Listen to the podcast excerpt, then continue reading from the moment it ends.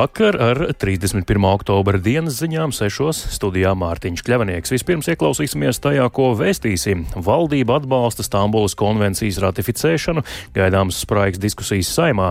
Parīzē policisti sašauši sievieti, kura vilcienā draudēja sevi uzspridzināt. Starp Poliju un Ukrainu veidojas jauns saspīlējums saistībā ar graudu eksportu, un saimnes komisija atbalsta ieceri paaugstināt vecuma cenzu alkohola iegādēji.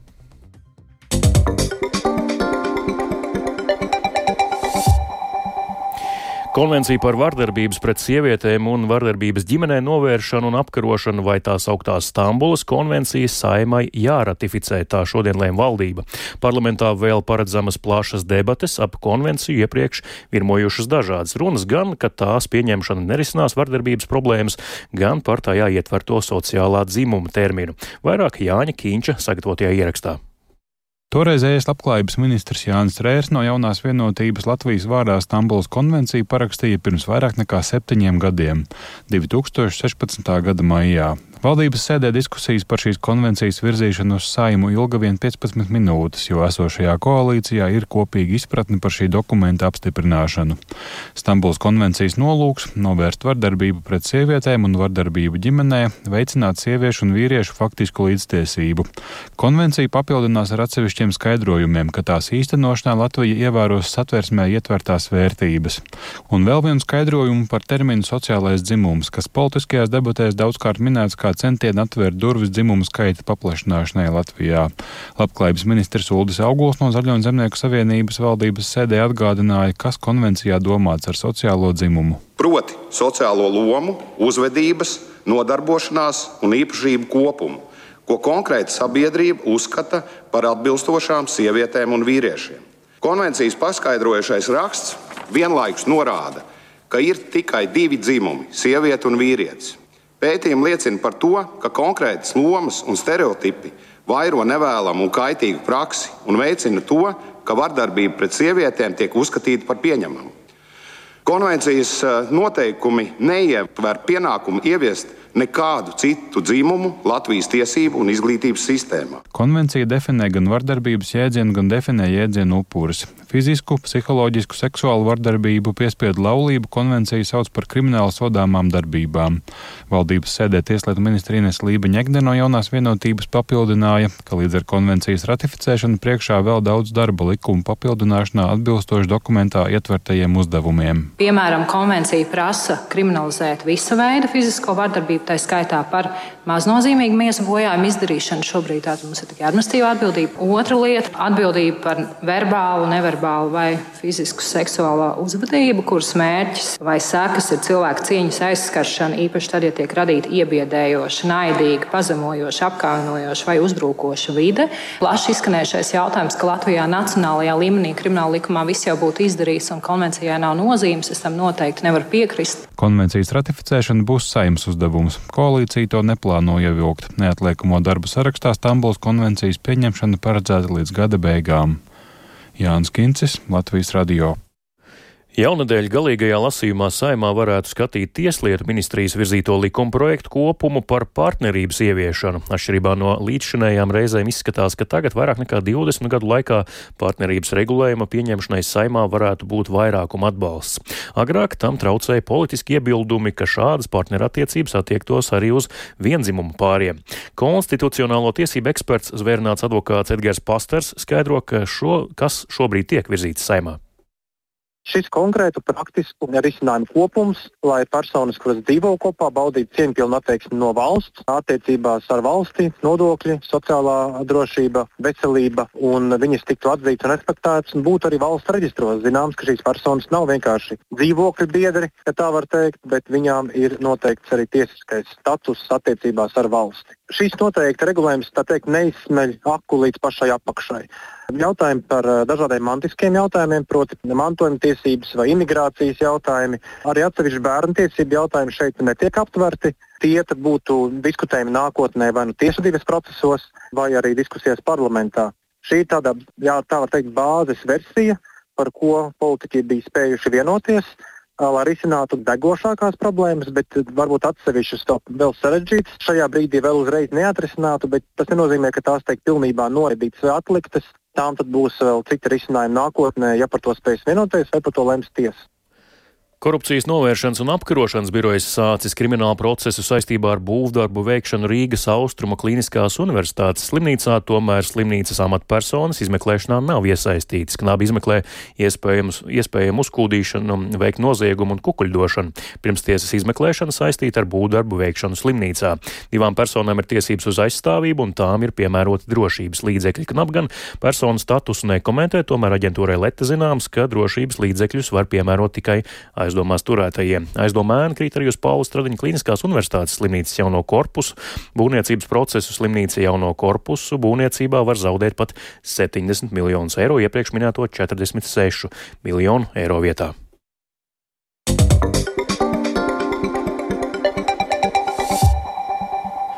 Parīzē policija šodien sašāvusi un smagi ievainojusi sievieti, kas vilcienā izkliedza draudus. Policija, policija izsauca kāds vilciena pasažieris, kurš sacīja, ka sieviete ar aizsaktu seju izsaka draudus. Pēc atsliecinieka teiktā, sieviete kliegusi Allahu Akbar, jeb Dievs ir dižans, un izteica draudus. Likumsargi atklāja uguni pēc tam, kad sieviete nereaģēja uz brīdinājumiem.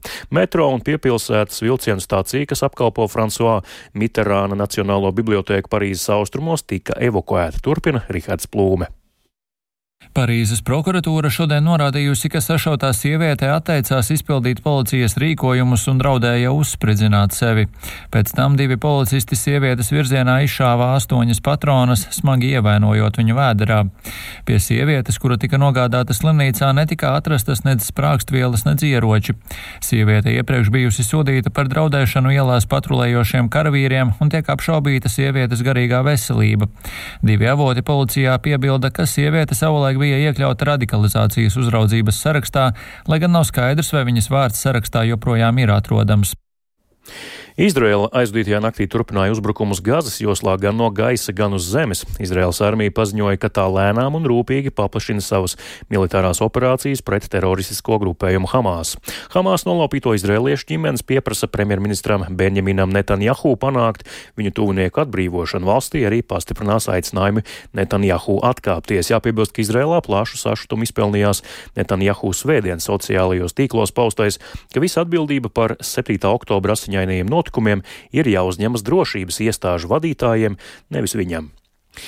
Pēc ilgstošām nesaskaņām starp Poliju un Ukrainu par graudu eksportu veidojas jauns saspīlējums. Poļi, poļu pārvadātāji draud no novembra bloķēt Ukrainas robežu, protestējot pret viņu prāt nesamērīgo konkurenci, kas radusies pēc starptautisko pārvadājumu liberalizācijas starp Ukrainu un Eiropas Savienību. Atbildīgā Ukrainas ministrija aicinājusi Poliju un Eiropas komisiju uz kopīgu tikšanos, stāsta Latvijas radio korespondente Ukrainā Indra Sprānce. Pirmā poļu autopārvadātāja organizētā akcija varētu notikt jau 3. novembrī. Korcovas Krakovecas robežu kontrola punkta tūmā un uh, Ukraiņu pārvadātāju bloķēšanas akcija plānota divu mēnešu garumā. Poļu pārvadātāji draud bloķēt visus robežu kontrolas punktus uz robežas ar Ukraiņu viņu pusē. Ukraiņi tikmēr cer problēmu atrisināt sarunās, un, kā norādījis Ukrainas atbildīgais ministrs Derkačs, Ukraina ir pateicīga Polijas tautai par pastāvīgo atbalstu pilnu apmēru karā un ir gatava dialogam, taču vajadzētu būt vienlīdz pārstāvētām abu valstu pārvadātāju interesēm. Tikšanās ar Eiropas komisijas direktorātu bija plānota šodien, bet pagaidām nav informācijas par tās rezultātiem. Šā gada martā Eiropas Savienība un Ukraina vienojās par transporta vīzu režīmu atcelšanu atcelšanas pagarinājumu līdz nākamā gada 30. jūnijam, un pirmajā bezvīzu režīmu gadā divpusējo un tranzīta kravu autopārvadājumu apjoms palielinājies par vairāk nekā 50%.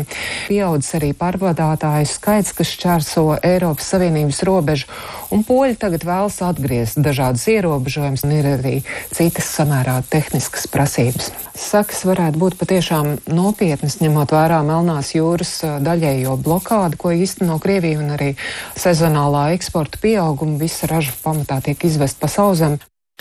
Spānijas Socialistiskās partijas biedri šonadēļ iekšējā balsojumā var izteikt savu viedokli par iespējamo amnestiju 2017. gada Katalonijas neatkarības referendumu rīkotājiem. Lai gan jautājums uzdots netieši, visiem ir skaidrs, par ko ir runa. Ar šo soli topošais valdības vadītājs Pedro Sančes vēlas iegūt partijas biedru atbalstu šim pretrunīgajam solim, ko asi kritizē Spānijas labējie. Ja Sančesam tas izdosies, tad jaunā valdība varētu tikt apstiprināta jau nākamnedēļ. Notikuma attīstībai seko mūsu Briseles korespondents kolēģis Arčuns Konohovs. Līdz nedēļas beigām Spānijas Socialistiskās partijas biedriem ir jādod atbildi, vai viņi piekrīt valdības veidošanai kopā ar Kreiso partiju apvienību Sumāru un ar citu partiju atbalstu. Jautājumā skaidri neparādās Katalonijas neatkarības kustības dalībnieku amnestija, bet visiem ir skaidrs, ka citu partiju atbalsts nozīmē tieši to. Turklāt esošais premjera pienākumu izpildītājs Pedro Sančes vēstulē saviem partijas biedriem ir atklāti mudinājis viņus atbalstīt šo soli, sakot, ka ir pienācis laiks pāršķirt lapas puses attiecībās ar Kataloniju savstarpējā miera un līdzās pastāvēšanas vārdā. Tam kategoriski nepiekrīt labējā opozīcija. Tās pārstāvja Tautas partijas līderis Alberto Nuņas Feiho un galēji labējās partijas Voks priekšsēdētājs Santiago Abaskals oktobrī notikušajā protesta akcijā pauda asu nosodījumu gaidāmajam solim.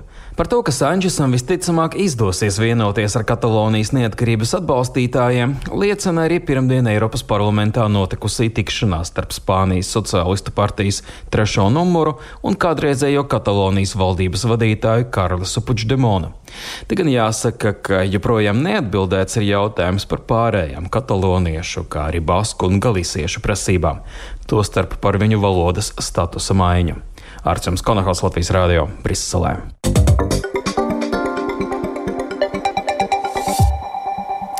Saimas ilgtspējīgas attīstības komisijas demogrāfijas ģimeņu un bērnu lietu apakškomisijas sēdē šodien turpinājās diskusijas par uzvedības riska grupu bērniem un jauniešiem un ar tiem saistītajām problēmām un risinājumiem. Statistikas dati liecina, ka šī gada sešos mēnešos eh, policijas uzskaitē nonākuši jau 106 bērni, kas gan ir mazāk nekā pagājušajā gadā. Iekšliet ministrija kā vienu no risinājumiem uzsver agrīnu prevencijas sistēmas attīstīšanu. Jo agrāk to sāks, jo agrāk novērsīs problēmu un bērniem varēs palīdzēt. Bet Saimas sociālo un darbu lietu komisija otrajam lasījumam atbalstīja priekšlikumu grozījumiem alkoholisko dzērienu aprits likumā. Tie paredz, ka alkoholiskos dzērienus būs aizliegts pārdot personām, kuras ir jaunākas par 20 gadiem. Šobrīd alkoholu var nopirkt jau no 18 gadu vecuma. Kā norāda saimnes deputāte Ramona Petrāviča no Latvijas pirmajā vietā, iespējams, ir jāpārskata arī pilngrības vecuma slieksnis. Es rosinātu, varbūt tās mums ir jāskat arī paralēli jautājums par pilngadības vecuma izmaiņu, jo šobrīd sanāk, ka var laulāties 18 gadu vecumā, bet šampaniešu glāzi izdzert savās kāzās nevar, un arī dzimumu var mainīt no 18 gadu vecuma. Man liekas, ka tas var nodarīt daudz lielāku un neatgriezenisku kaitējumu, tā kā iespējams ir jādomā arī par pilngadības vecuma maiņu. Bet Saimnes sporta apakškomisijas sēdē šodien diskutēja par izcinājumiem azartspēļu reklāmas ierobežošanā. Latvija ir vienīgā valsts Eiropā, kurā aizliegt jebkāda veida azartspēļu reklamēšana, taču tiek atrasti veidi, kā to darīt. Piemēram, sporta federācijas vai klubi sadarbojas ar totalizatoru pārstāvētajiem sporta bāriem. Šobrīd tiek izstrādāta azartspēļu un izložu likuma grozījumi, kas var spēcīgi skart sporta nozari. Vairāk stāsta sporta apakškomisijas vadītājs Dāvis Daugovietis no jaunās vienotības. Nozara ir kontroversiāla un uh, azartspēles tas nekad nav vienkāršs jautājums, jo tas nāk ar daudzām blaknēm. Mūsu apakškomisijas sēdes laikā ļoti uzskatām arī demonstrēja, principā mēs esam vienīgā valsts, kas pilnībā ir aizliegusi, bet tas tādā veidā kultivē šo pelēko, jeb melno zonu un neizslēdz šo azartspēļu iespējamību Latvijā kā tādā. Tāpēc šie risinājumi, kas šodien izskanēja, manuprāt, stingri kontrolējot nozari, plus nozares apņēmība atpakaļ uh, dot tieši šajā sporta integritāte jautājumā, ja caurspīdīgāks ietver ētikas un uh, morāles normas, ko mēs arī apakškomisijā jau pavasarī diskutējām tieši Latvijas antidopinga biroja, kā tas ir arī citās Ziemeļvalstīs, kā Somijā, Igaunijā. Tas ir pareizais virziens, kādā mums jādodas, lai beidzot sakārtot šo jautājumu. Ar to arī skan 31. oktobra dienas ziņas sešos producenti Vija Bremza, ieraksts Montei Ulds Grīnbergs, pieskaņa pulcī vec zvejniece, bet studijā Mārtiņš Kļavnieks un vēl tikai par gaidāmo laiku. Rīgā šobrīd dienvidu vējš 6 m2, gaisa temperatūra 12 grādi, bet vairāk par gaidāmo laiku stāsta sinoptiķa Ilza Golubeva. Trešdien debesis lielākoties aizklās mākoņu un daudz viet īslaicīgi līs. Gaisa temperatūra kā naktī, tā arī dienā būs plus 6, plus 11 grādu robežās, bet ir gaidāms arī brāzmaināks vējš. Darba nedēļas beigās naktis kļūs nedaudz vēsāks un vietām valsts austrumos gaisa sadasīs līdz 0 grādiem, bet dienas vēl aizvien būs rudenīgi siltas. Ceturtdien un piekdien arī mākoņu debesīs būs mazāk, laiks būs lielākoties sauss, tikai dažviet pa kādai lietuspilē var nopilēt. Thank you.